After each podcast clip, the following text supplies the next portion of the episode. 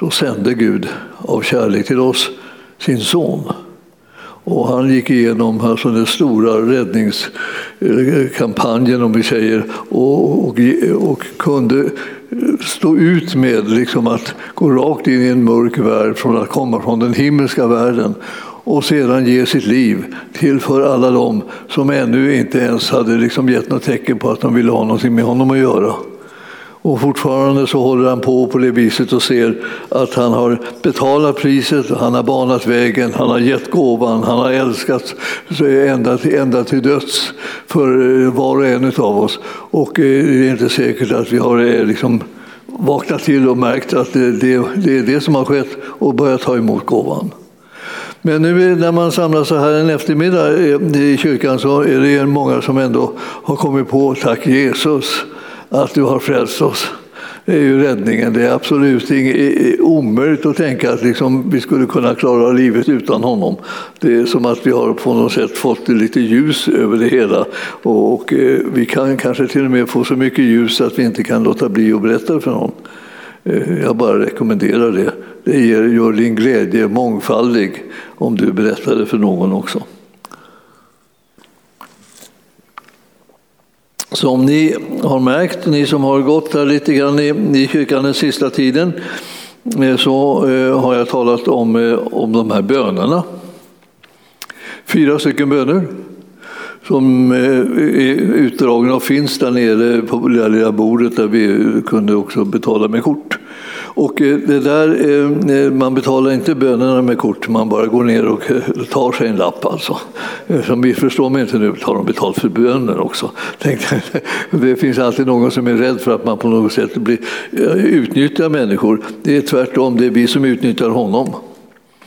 Jesus, han har, han har betalat det stora priset. Det finns inte en möjlighet att liksom utnyttja honom eh, liksom på något sätt i, i, på felaktigt sätt, utan han har alltid överflödat liksom, och gett allting alldeles gratis. Eh, den eh, senaste gången så talade vi lite grann om det som var Filipperbrevet och gick in lite grann på Kolosserbrevet, en bön där i Kolosserbrevet.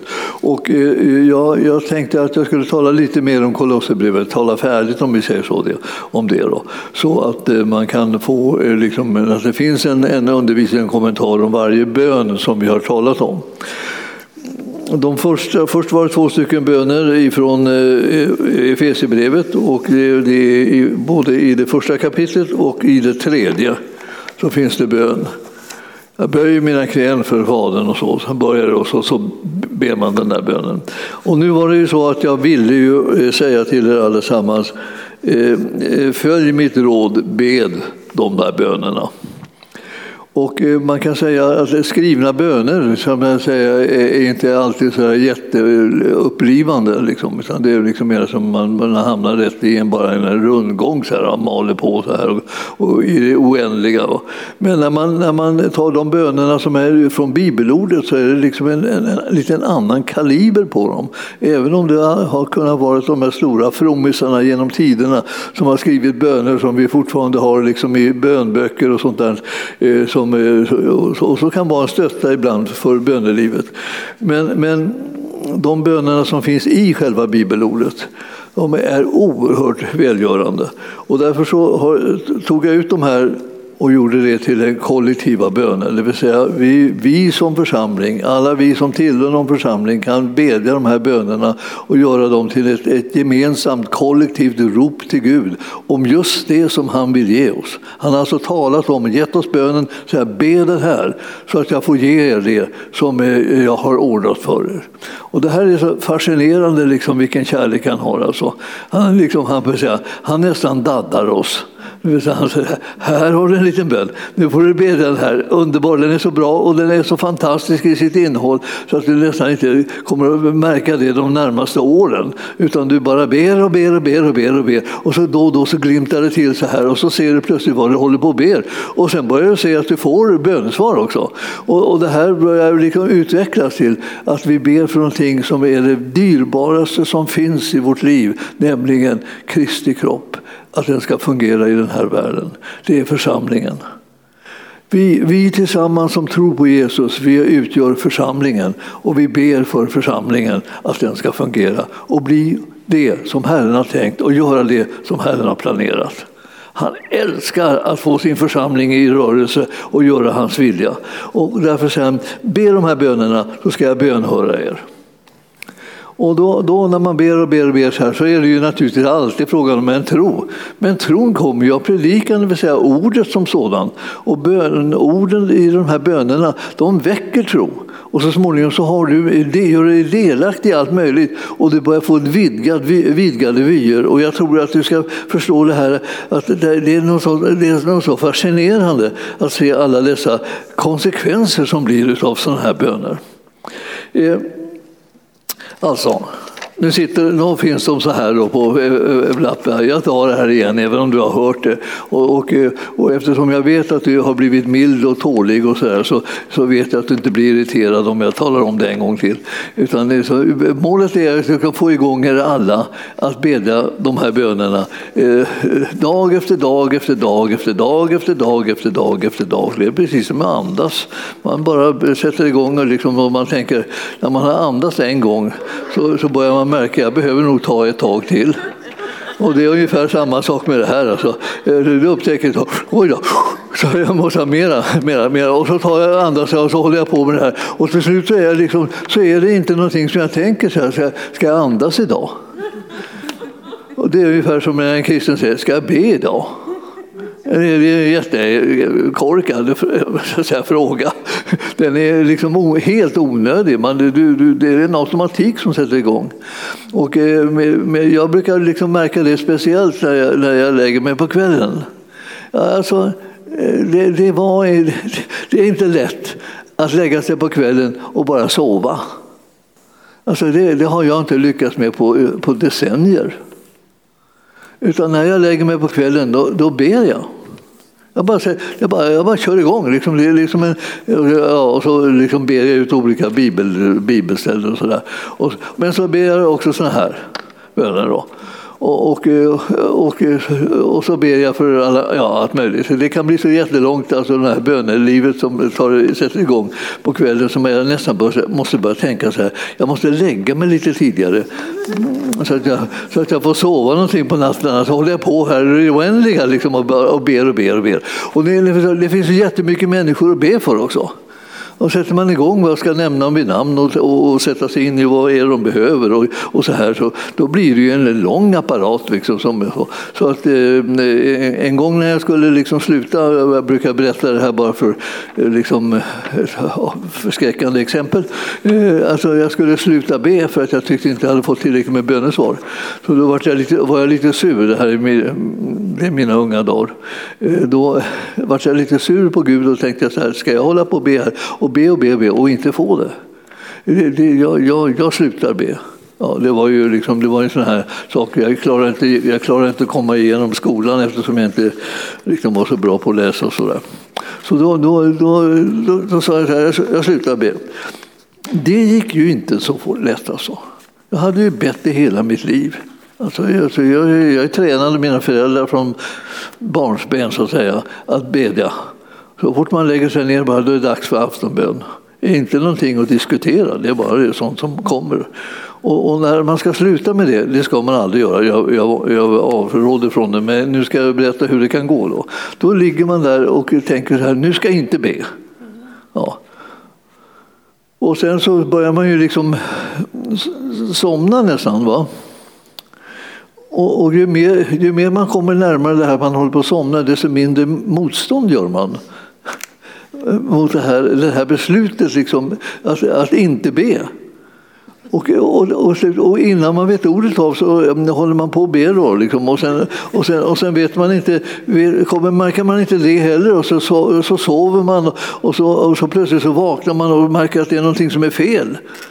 Och, och, och då, mitt i natten alltså. Och då, då, då, då, vad är det som är fel? Oh, tid, jag glömde, man är fortfarande liksom inte riktigt närvarande. Jag, jag, jag, jag har glömt att be.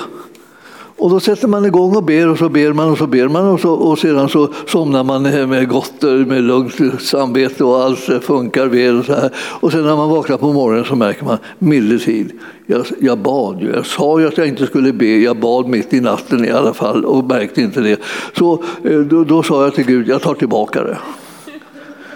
Ja, jag försökte genomföra någonting konsekvent, men så där höll jag på bara. Alltså jag höll aldrig på att få slutet på den här bönen. Jag, jag, kunde inte, jag kunde inte låta bli att somna in och när jag, inte, när jag höll på att somna in då slutade jag göra motstånd eh, mot, mot, mot det här beslutet. Liksom, liksom att, att, att jag skulle liksom vara en, en sån som hoppade över, för han hörde inte bön. Ja, så, så där höll jag på tills jag liksom gjorde bättring. Och då, men då märkte jag att liksom, det här att be är ju lika självklart alltså, som att man andas. Alltså. Så eh, eh, av någon anledning så har vi fått lära oss att eh, andas ganska automatiskt men det behövs liksom att någon hjälper en att eh, liksom också bedja. Så att det blir liksom en naturlig ingrediens i livet och du behöver be. Och jag behöver att du ber. Och du behöver att jag ber. Och vi behöver varandras bön och församlingen som en Kristi kropp ska kunna fungera så måste vi be om det som Herren har lovat. Därför att det han har lovat det är så underbart fantastiskt och han har tänkt på allting i ditt och mitt liv och i vårt liv tillsammans och hur kristenheten ska kunna, kunna sprida sina underbara liksom, kunskaper om den levande guden och Jesus Kristus ut i hela världen. Alltså. Allt har han tänkt på och nu håller han på att engagera oss va? för att vi ska be om det. För han har redan engagerat sig. Han har ordnat bönesvaren och nu väntar han på att du ber och då ger han bönesvaret. Alltså, det, det, är inte så att han eh, väntar på att du ska be så ska han försöka ordna bönesvaret utan saken är redan klar. Va? Allt är färdigt, det är bara det, hör han någonting ifrån dig eller inte? Eller tänker du ligga där liksom och trilskas liksom på kvällen så att du inte ber? Va? Så när du har sådana möjligheter att få bönesvar så du bara dånar om det. Ja. Så eh, tänk på vilken makt du har fått att göra gott och utnyttja den. Och, och din glädje kommer bli översvallande.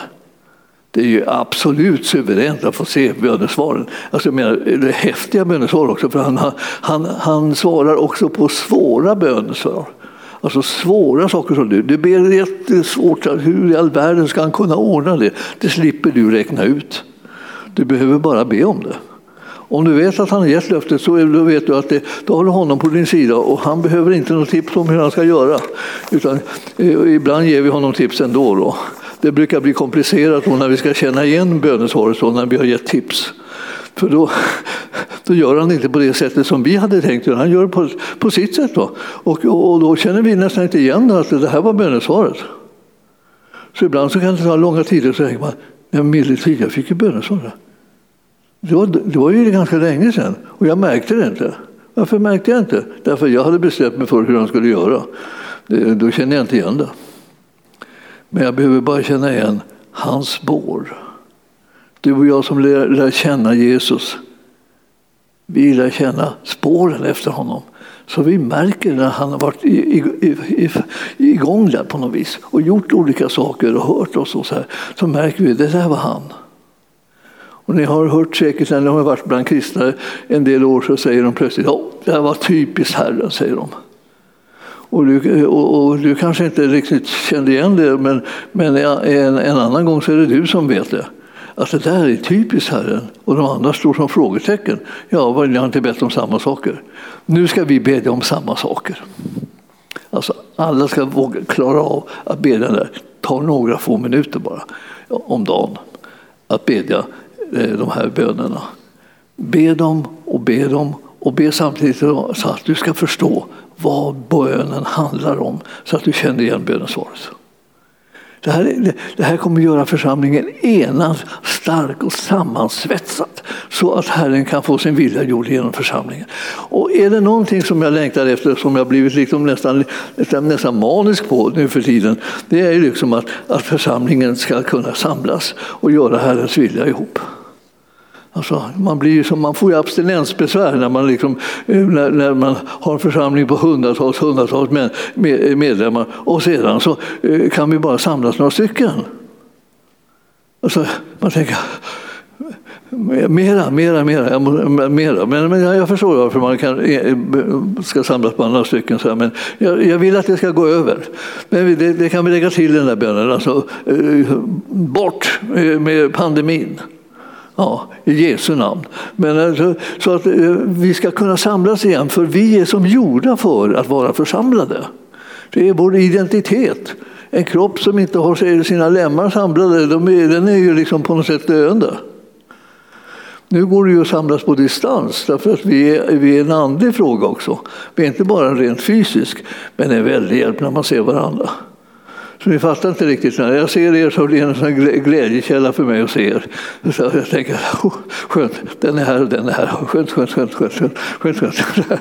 Så man tänker, åh, nu vet jag, nu, nu, nu, nu känner jag liksom att det finns liksom en respons så här. Och man, man, behöver se varandra när man talar, för det hjälper eh, igen att, att hålla liksom fångar man upp olika saker som, som folk har i sina hjärtan och så kan man kanske vara med och, och göra livet lite lättare för dem genom att be, tala om de här sakerna också. Nu ska vi ta och eh, säga så om du inte har den här bönelappen så tar du en där ut när, när du går ut sen i mötet och sen sätter du igång och praktiserar det. Ni märker liksom, det här är en bön. Alltså, den måste man bedja långsamt därför att annars hinner man inte fatta någonting. Liksom, vips, det är bara vips är man förbi den. Och det är inte meningen, utan det är meningen att du ska liksom eh, bli glad över liksom vilken fantastisk bön du kan bedja. Och så är den i vi-form, så att du liksom, tror inte bara att det är liksom en liten självisk bön, utan det är en vi-bön. Det vill säga vi tillsammans och så ber att det här ska ske. Och, och då, då måste vi ställa upp på det här att vara tillsammans också. Så, och där är en liksom en lite längre, det är för väl att det kom. Men då kom den kortare där igen och sen var det en, en, en lite längre. Men ingen har ju liksom sida upp och sida ner så man blir alldeles svettig och liksom inte klarar av det. Utan det här är liksom det precis som det går att hantera. Men jag tror att det här är en tanke från Herren. Alltså, och, eh, om du har tur, nu vet jag inte riktigt, nu är jag inte där nere, men eh, på en del, en del sådana här så hade pyntat vi dem också för att du skulle ha lite lättare att ta, ta pappret. Så att det blev eh, naturbilder så här och, och liksom, ja, vad är det där? Äpplen. Jag tänkte, åh, härligt, härligt. Så att du liksom ska få en extra sug efter det här pappret. Och så det finns det moln och allt möjligt. Och, eh, men i alla fall, till slut så blev vi, liksom, när, vi hade, när vi blev det fler och fler och fler så blev det ganska enkelt. Här. Nu får du stå för liksom, de fina bilderna inomvärtes. Eller fina tankar så här, som du kan få när du ber. Ja, eh, det, det, här var det. Nu, nu ska vi ta den, den sista, förmodligen, den sista av de här bönerna. Alltså. Kolosserbrevets bönen. Och eh, det visar sig att eh, den har jag tagit ut bara en liten bit av eh, ett stycke där som handlar om bön. Och jag kommer nu att tala om lite mera, för vi var inne på det lite sist och talade om Filipperbrevet och Kolosserbrevets böner. Kolosserbrevets bönen var, det var nummer, ska se här, eh, första kapitlet och eh, numret 9 till 12. Och så här låter den då. I Kolosserbrevet. Och ni vet, romerska kor gal efter fil, kolla, test, tim, titt, filmon. Ordningen på breven där alltså. Eh, så kolla, test, tim, titt det betyder att kommer in på test och tim och titt. Det vill säga eh, Thessalonikerbreven och Timoteusbreven så då har du bläddrat för långt. Då får du backa lite grann för att hitta det där. Eh, det där säger jag då och då, så en vacker dag så kommer du på den där ramsan. Men, men den är tillräckligt galen för att man ska lägga den på minnet. Alltså. För att det romerska kor gal efter fil, det är ju inte så vanligt. Och, men, utan man får liksom tänka det var originellt. Då är det lätt att komma ihåg. Nu ska vi se här, eh, alltså. Bönen eh, i Kolosserbrevet 1, 9-12. Alltså det är tre verser. Vår bön är att vi ska uppfyllas av kunskap om din vilja med all andlig vishet och insikt så att vi kan leva värdigt Herren och i allt behaga dig. Att eh, vi ska kunna bära frukt i alla slags goda gärningar och växa till i kunskap om dig, Gud. Din härlighetsmakt ska då styrka oss och ge oss all kraft till att vara uthålliga och tåliga i allt. Med glädje ska vi då tacka dig, Fader, som har gjort oss värda att få del i detta arv som vi heliga har i ljuset. Amen. Alltså det finns ett arv som vi heliga har i ljuset. Och ni vet, arv det, det, det är sådär, får, får man ut på grund av samhörighet. Alltså, inte på grund av skötsamhet. Så eh, det här, det här, den här bönen här då, i första kapitlet i, i Kolosserbrevet, den, den, den har vi alltså talat om, den lilla biten här som jag nu läser upp, den har vi talat lite grann om. Och där talade vi om att vi, vi ska kunna få eh, andlig vishet och andlig insikt. Och så ska vi kunna växa till i, i, i kunskap om Gud. Och sen eh, ska det, står det också så här i, när vi kommer till elfte, elfte versen, där står det Hans härlighetsmakt ska då styrka er och ge er all kraft till att vara uthålliga och tåliga i allt. Alltså vill jag säga till er att det finns en tillgång till en kraft och en makt att klara av alla livets omständigheter. Så Herren säger, be om det. Jag lovar att ni ska bli rustade från mig, säger Herren, att klara av era livssituationer som ni hamnar i. Ibland så tänker man just om sina egna livssituationer, att det var det värsta. Alltså.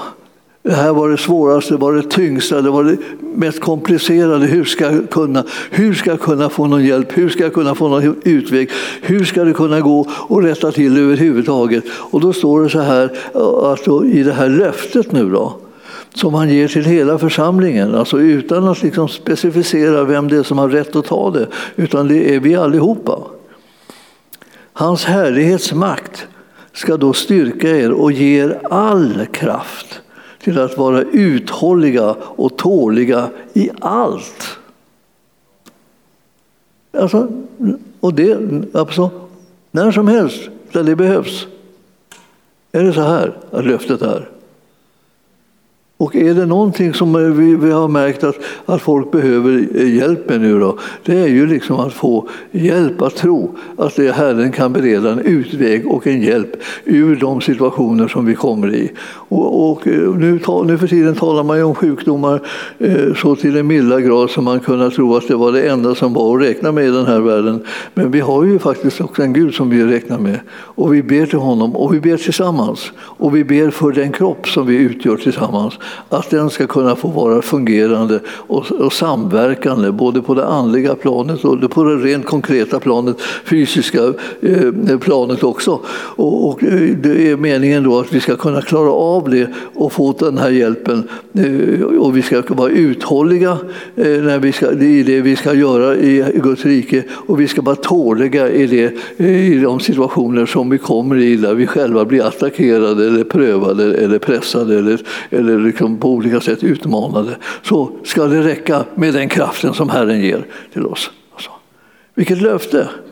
Jag menar, eh, om man inte ibland får det liksom pekat på att det där löftet finns där så, så missar man det löftet. Man läser bönen, man läser bönen, man läser bönen, man märker ingenting. Eh, så, så, så måste man säga, men ser du inte? Allt stod det. Alltså, det här, det ska, du ska få en kraft och en förmåga liksom i allt det här som kommer att liksom drabba dig på olika sätt i den här världen så att du hittar utvägen och får lösningarna. Alltså, jag, jag, tänker så här, vilka generösa löften. Alltså, ju mer jag har liksom hållit på liksom och tittat på de här bönerna så tänker jag så här, de här bönerna är ju, de borde ju vara världsberömda. De kanske är det på sätt och vis också, men, men, men de borde ju vara lik kubik så alla bara säger var, var, var, står de, var står de, var står de, jag måste ha dem. Och så bara rusning liksom så här, istället för att det bara blir en kö för att få, uh, få en spruta. Så, så, så, så, så, så, så kan man säga så kan, borde det vara jättekö för att få, få höra om var står bönerna. Man kan bedja där, man får all kraft, alla möjligheter, allting. Och så. Jag säger inte att det är fel på sprutor, jag bara säger att liksom, det finns naturligtvis någonting som är mycket bättre.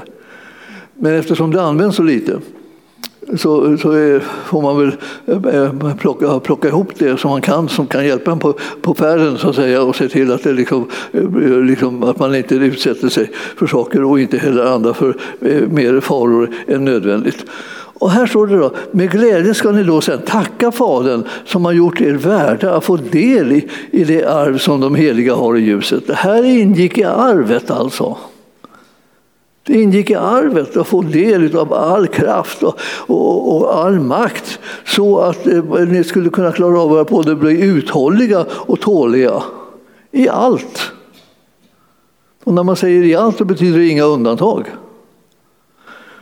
Och sen då, det som stod innan här, du ska växa till i kunskapen om Gud. Ju mer du lär känna Gud, desto mer vet du vem det är som ställer sig på din sida och vem det är som är mäktig att kunna ge bönesvar när du ber. Därför han har gett både löftet och har gett kraften för dig att kunna ta emot bönesvaret och han har kraften att göra det som behövs för att bönesvaret ska finnas närvarande. Yippee! Ja, ja, ja, man, man måste för, känna, jag bara för, det var bara för förslag. Liksom, alltså. inte meningen att ni ska bli så högtidliga så ni inte tar emot vad Herren ger er. Utan ni, ni måste ju bara, ni måste ju liksom, känna så här, det här var inte dåligt. Ja, förlåt om jag skrämde någon. Jag skrämde nästan mig själv. jag var inte beredd på det där riktigt. Ja, nu, nu, nu, det här var det så. Den bönen har vi pratat lite grann om. Och sen, så, sen står det så, någonting som är liksom A och O när det gäller allt det här med bönen.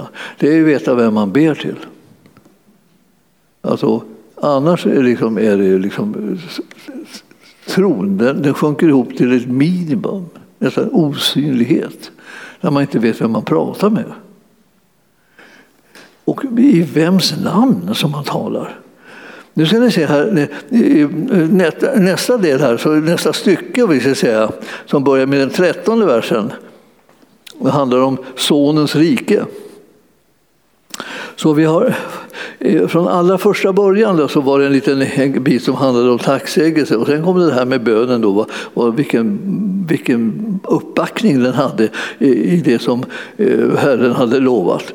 Och sen då ifrån den, den trettonde versen så kommer det vad som gäller i Sonens rike. I Sonens rike är alla vi troende inplacerade. Vi, vi är de som är i riket. Vi tillhör riket och vi är de som är implanterade i kroppen, Jesu Kristi kropp, som är själva riket närvarande. Och där är vi nu. Och vad gäller då i det här riket? Ja, det gäller att räkna med sonen. Det är ganska självklart, men det är liksom ändå nödvändigt att säga det gång på gång på gång. Man får prata med sig själv. Man får prata allvar med sig själv ibland och säga nu, hallå, liksom, nu, nu är det så här att du behöver hålla reda på vem du talar till. För du är inte vem som helst. Det är inte någon som, inte någon som ljuger, inte någon som fantiserar, inte någon som överdriver på olika sätt. Utan det är någon som har fullbordat en gärning som har gett frälsning till hela världen i, i alla olika situationer som man kan komma i. Det är honom som vi pratar till. Det är honom som, han som älskar dig obeskrivligt och gränslöst. Fastän du är som du är, om vi säger så. Då. Om du har massa hemliga, hemliga liksom brister och, och svårigheter och knepigheter och vad du vill. Det spelar ingen roll, han älskar ändå. Han, han älskar för att förvandla ditt liv. Han älskar inte för att du är förvandlad eller att du är duktig eller att du är snäll eller har varit det hela ditt liv. Och redan som liten var du ett snällt barn eller någonting sånt där. Man, någon sån här omdöme som man går omkring och tänker, och så sa de om mig, jag var så snäll. Jag, jag, var ju snäll när jag var liten. Eh, har jag fått känsla av i alla fall. Och eh, sen dessutom så var jag söt också då. Vilket det kan man fortfarande inte... Jag går inte på vad som helst. och sen, så, så, och det, det, märkte jag då när jag hade kommit upp i tonåren. Var, så, så, eh, så kom jag med min pappa till hans arbetsplats och, och då mötte vi en tant som, vi, som, som bodde där och så vi hade också bott där och, och jag kände henne som barnsman. Och så, här. Och, så, och, så, och så sa hon, jaha, sa hon så här, och vi hade varit bosatta på ett annat ställe ett tag nu. Så sa hon så här, vem är det här då? Och då sa pappa, ja men det här är Gunnar.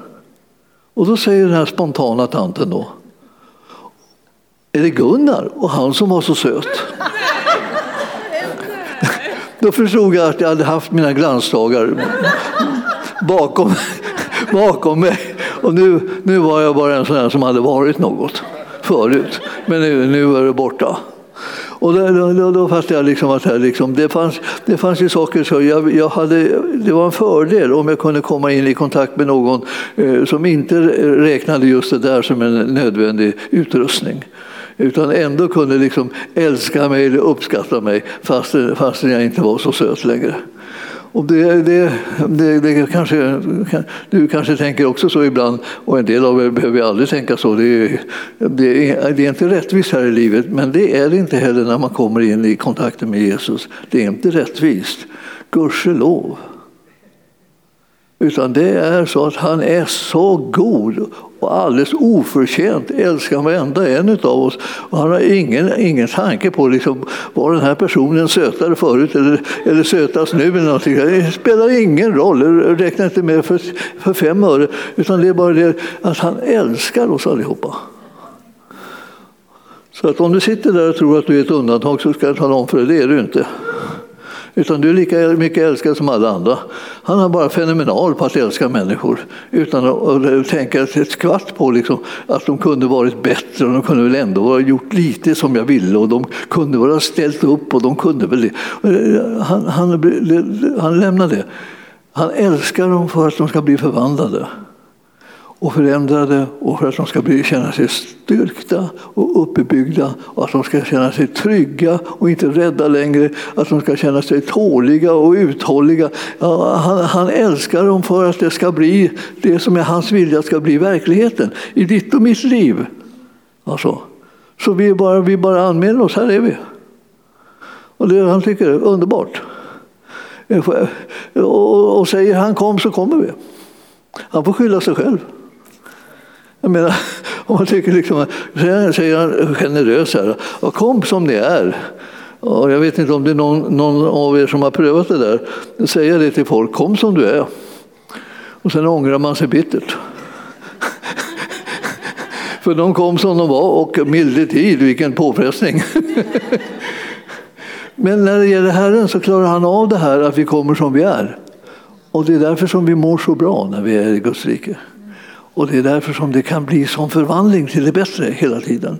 Och Herren är den som håller på och tror på sin församling som består av eh, oss människor som tror på honom och, och vi utgör hans kropp. Och han tror att den kroppen kommer att kunna fungera så att du och jag kommer att bli till välsignelse så det bara svämmar över liksom, helt enkelt. Så därför blir han så jätteglad när du är här. Ja, nu, nu kan du sitta och suga åt dig det bara. Och, och, om du undrar då, så han kan väl inte veta om jag är här, så ska vi ta och läsa lite grann om det här hur det är i Sonens rike. Han vet allting. Och det ligger oss inte i fatet så att det liksom allt är kört eftersom han vet allting, utan det, det, går bra det också. Han vet allting. Du kan andas ut bara för att tänka så här, nu, här är man känd också. Och det, och, och det är ingen fara, jag blir inte utsparkad ändå. I Sonens rike nu då, står det i den trettonde versen i första kapitlet i Kolosserbrevet. Det behöver du hitta vid det här laget så du kan läsa själv för att du ska kolla att inte jag överdriver här. nu Då. Han har frälst oss från mörkrets välde och han har fört oss in i sin älskade sons rike. Det är alltså vad, vad Gud har gjort genom sin son. Och sen 14 versen står det, i honom, alltså denna son, är vi friköpta och har fått förlåtelse för våra synder. Så om du undrar om du har blivit förlåten? Ja, du har blivit förlåten. Om du undrar om du har tagit emot det eh, så har du tagit emot det när du säger jag tar emot det. Du säger ja tack. Han erbjuder dig förlåtelse. Ja tack, jag tar emot det, säger man då. Och då så är det ditt. För det var gratis. Men det behöver se mottagare. Är det liksom. Men eftersom det är gratis är det inte så svårt att ta emot kan man säga. 15 versen. Han är den osynlige Gudens avbild, förstfödd före allt skapat. Ty i honom skapades allt i himlen och på jorden. Det synliga och det osynliga, tronförstar och herradömen, makter och väldigheter. Allt är skapat genom honom och till honom. Så ligger det till. Alltsammans har liksom sitt ursprung och sin liksom anledning till att de finns genom att sonen ville det och gjorde det. Och, eh, och det som han har gjort, det är till för honom. Ibland så tror vi så här bara att det, liksom det som vi ska göra nu i Guds rike det är liksom att försöka få igenom våra behov. Alltså. Så man, man, man får en slags böner som bara rabblar upp olika behov man har. Jag vill ha det, jag vill ha det, jag behöver det här, jag behöver det här. Gode Gud, hjälp mig, hjälp mig med det, hjälp mig med det, hjälp mig med det. Och vi får naturligtvis bedja sådana böner, men det är inte huvudsaken i Guds rike. I Guds rike så handlar det om att hans vilja ska ske. Så att du ska anmäla dig, vill säga, säga här är jag Herre, använd mig för att din vilja ska ske, för att ditt rike ska kunna verkligen utvecklas. För att vi som är lemmar i kroppen ska kunna sammanfogas med varandra och för att vi ska kunna göra din vilja i den här världen. Så att din underbara eh, plan går i förbordan. Och eh, 17 versen står det så här. Han är till före allting. Nu börjar beskrivas vem han är och då kommer du märka ju att han är ju inte vem som helst. Han är helt obegripligt underbar och fantastisk. Och han, han är så kapabel att göra vad helst han vill så att, så att det är ingen hejd på det. Alltså han är till före allting. Han var först alltså. Och allt består genom honom. Och genom att han håller uppe och håller kvar alltihopa så går det inte under. Inklusive dig, du och jag, liksom, vi går inte heller under därför, tack vare honom. Och han är huvudet för sin kropp, församlingen. Han är begynnelsen, den förstfödde från de döda, alltså den första som har uppstått ifrån de döda, eh, för att han i, eh, i allt skulle vara den främste. Han är nummer ett i hela skapelsen och hela, hela tillvaron så att säga. Ty Gud beslöt att låta hela fullheten bo i honom. Alltså, hela fullheten, det är ju någonting som man inte riktigt kan föreställa sig men, men man kan förstå att det måste vara oerhört mycket, det vill säga mest, det vill säga allt, helt, helt ingen gräns och allt bara. Det, det är det, alltså, det som är, är kännetecknet på honom. Alltså. Och genom honom har, har också beslöt han också att försona allt med sig, med sig sedan han hade skapat frid i kraft av blodet på hans kors. Frid genom honom både på jorden och i himlen. All frid har sin källa i Jesus. Både den som finns här på jorden redan som man kan ha och som vi ibland säger till varandra, frid broder, frid syster. Vi önskar varandra det mest häftigaste, mest fantastiska, underbara. Så här. Och så har vi sagt det så många gånger så vi nästan inte reagerar på det längre. Men, men, men då får vi försöka väcka oss på nytt liksom, till det. Frid, det, det, det, är någonting som man önskar, liksom, att man kommer liksom, till ro, till vila, in i trygghet invärtes. Så man går inte omkring och känner sig jagad liksom, och har inte magknip över allt, alla, alla grejer som man oroar sig för så här länge. Utan man har tagit del av Herrens frid och därför så kan man ta det lugnt och vila ut och tänka Herren har allting under kontroll. Han håller allting i sin hand. Jag behöver inte vara nervös längre. Så du är inte kallad att oroa dig. Du är kallad att vara utan bekymmer och andas ut. Det är Herrens gåva till dig. Ta emot den. Den är gratis. Och det här, då, så jag ta en liten bit till här på det här. Jag vet inte liksom hur länge jag ska hålla på eller får hålla på eller ska jag säga så heter det. Eh, jo, det här alltså. Han, han, eh, det, det var ju 21 nu då. Också ni som en gång var främmande för Gud och genom ert sinnelag och genom era onda gärningar hans fiender, också er har han nu försonat med sig när han i sin jordiska kropp led döden. Han ville låta er träda fram inför sig heliga och fläckfria och oförvitliga om ni verkligen står fasta och eh, väl, eh, väl grundade i tron och inte låter er rubbas eh, från hoppet i det evangelium som ni har hört och som har predikats för allt skapat under himlen och som jag, Paulus, har blivit satt att tjäna.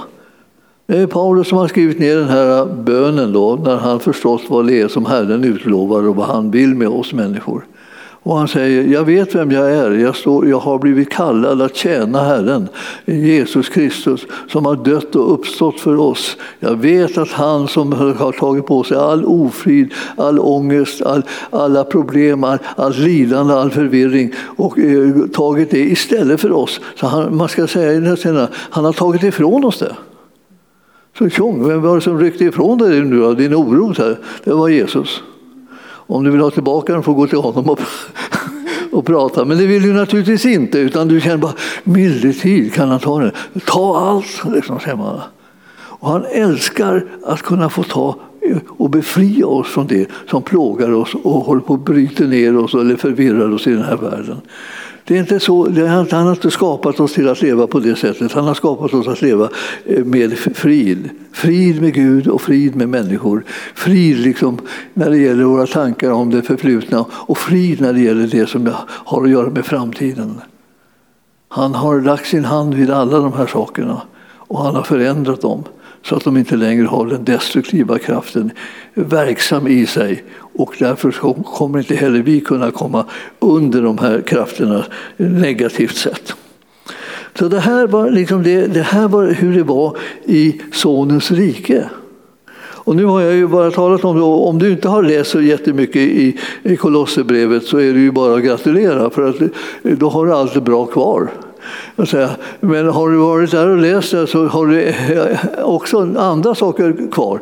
För man vet ju inte riktigt hur mycket gott det finns i bibelordet. Och man märker det hela tiden att det här, det här är inte klokt att man håller på och, och, och, läser och läser och läser och ber och läser och studerar och söker Herren och så här. Och sen plötsligt kommer man tillbaka en annan dag så här, och så plötsligt har man inte sett vad det stod där egentligen. Och man blir alldeles chockad. Hur kunde jag missa det? Jag läste det här jättenoga. Jag försökte liksom tala om för mig själv vad det stod så att jag kunde få tag i det. så här. Och jag håller på att brottas med att, liksom, att jag inte ska vara liksom blind eller döv eller liksom, och, och inte ha någon fattningsförmåga. Utan han kommer där och uppenbarar nya saker nya hela tiden. Jag vill säga här, han älskar när hans församling upptäcker vad han säger. Det, det, det, det gör alla föräldrar när ungarna fattar vad de säger. Liksom, Förstår du inte vad jag säger? Jag har sagt det 51 gånger så här. Och, och, och, det är ingenting mot hur många gånger som Herren har sagt det han säger. Men, men, men medeltid vilken glädje som, som bara brakar loss när man börjar upptäcka vad han, vad han har sagt och vad han har lovat och vad han har gett. Och så. Du, du, du, du blir ju inte, du blir inte densamme på lång tid. Liksom. får nästan ta liksom, semester liksom, och gå hem och vila upp det liksom, över, över den oerhörda glädje som han har gått och spritt in i ditt liv. Utan när, när du inte var beredd. Liksom. Du hade, du hade kunnat kanske hålla, hålla det tillbaka lite grann men nu brakar det bara loss. Och, det, och det, sånt där är det med Herren när vi har att göra med honom. Att han, han är så god. Han är så underbar. Han är så fantastisk. Och du och jag får lära känna honom. Vi har ingen, vi har, säga, vi har ingen anledning att på allvar liksom knota över våra, våra livsvillkor eh, när vi har en sån som Jesus i familjen. Här på säga. Han, han är ju med oss och han är den som räddar oss i alla livets förhållanden. Alltså. Överallt och jämt alltså, är det. Och därför så du ska tänka, du ska tänka ett tag på honom först innan du börjar prata om vad det är som är så fruktansvärt omöjligt och jättejobbigt i ditt liv. För ta en, en portion med honom först. Så att du får i dig liksom härligheten, kraften, kärleken och godheten. Och sen så småningom kan du vara, och så kanske han säger så här, Nå, var det någonting du ville? Då får man nästan säga, vad var det jag ville? Vad var det? det var någonting som jag ville. Eller var det? Nej, förresten, det var nog inget särskilt. För därför man, man märkte att alltså, det blev en helt annan bild av saken när man kommer ihåg vilken herre man ska prata med. Han förmår att rädda och hjälpa var och en. Alltså. Och tro inte att du är något undantag så du inte ska kunna få någon räddning utan räkna med att, han, att du kan bli räddad du också och hjälpt och han, han, kan visa dig utvägarna och han kan ge dig kraften och styrkan och han kan ge dig visheten och insikten. Och du kommer få ett sådant förstånd så att du liksom kommer att kunna räkna ut var vägarna går så att säga, som är, är sånt som ligger på hans hjärta. Var du ska ta vägen, hur du ska vandra fram i det här livet och vad du ska prioritera. Du kommer att kunna se det därför att han visar dig vägen. Vi, vi, är, vi är lärjungar, vi ska följa honom. Och när, vi, när vi då följer honom och lyssnar till hans röst så börjar vi hitta. Vi hittar hem och vi hittar varandra och vi hittar liksom till församlingen och vi, vi, vi hittar lösningarna och vi hittar hjälpen och vi hittar glädjen och vi, och vi märker att vi är älskade av Gud och så. Så att om jag skulle säga, det finns ju så många saker man skulle behöva säga till varandra när man är i Guds församling. Men framför allt skulle jag vilja säga till er var och en, alltså att ni är så älskade av Gud. Så, så, att det är så att ni, ni skulle gråta tacksamhetstårar som bara liksom skapade problem med, med översvämningar. Om ni bara visste liksom hur, mycket, hur mycket ni älskar av Gud.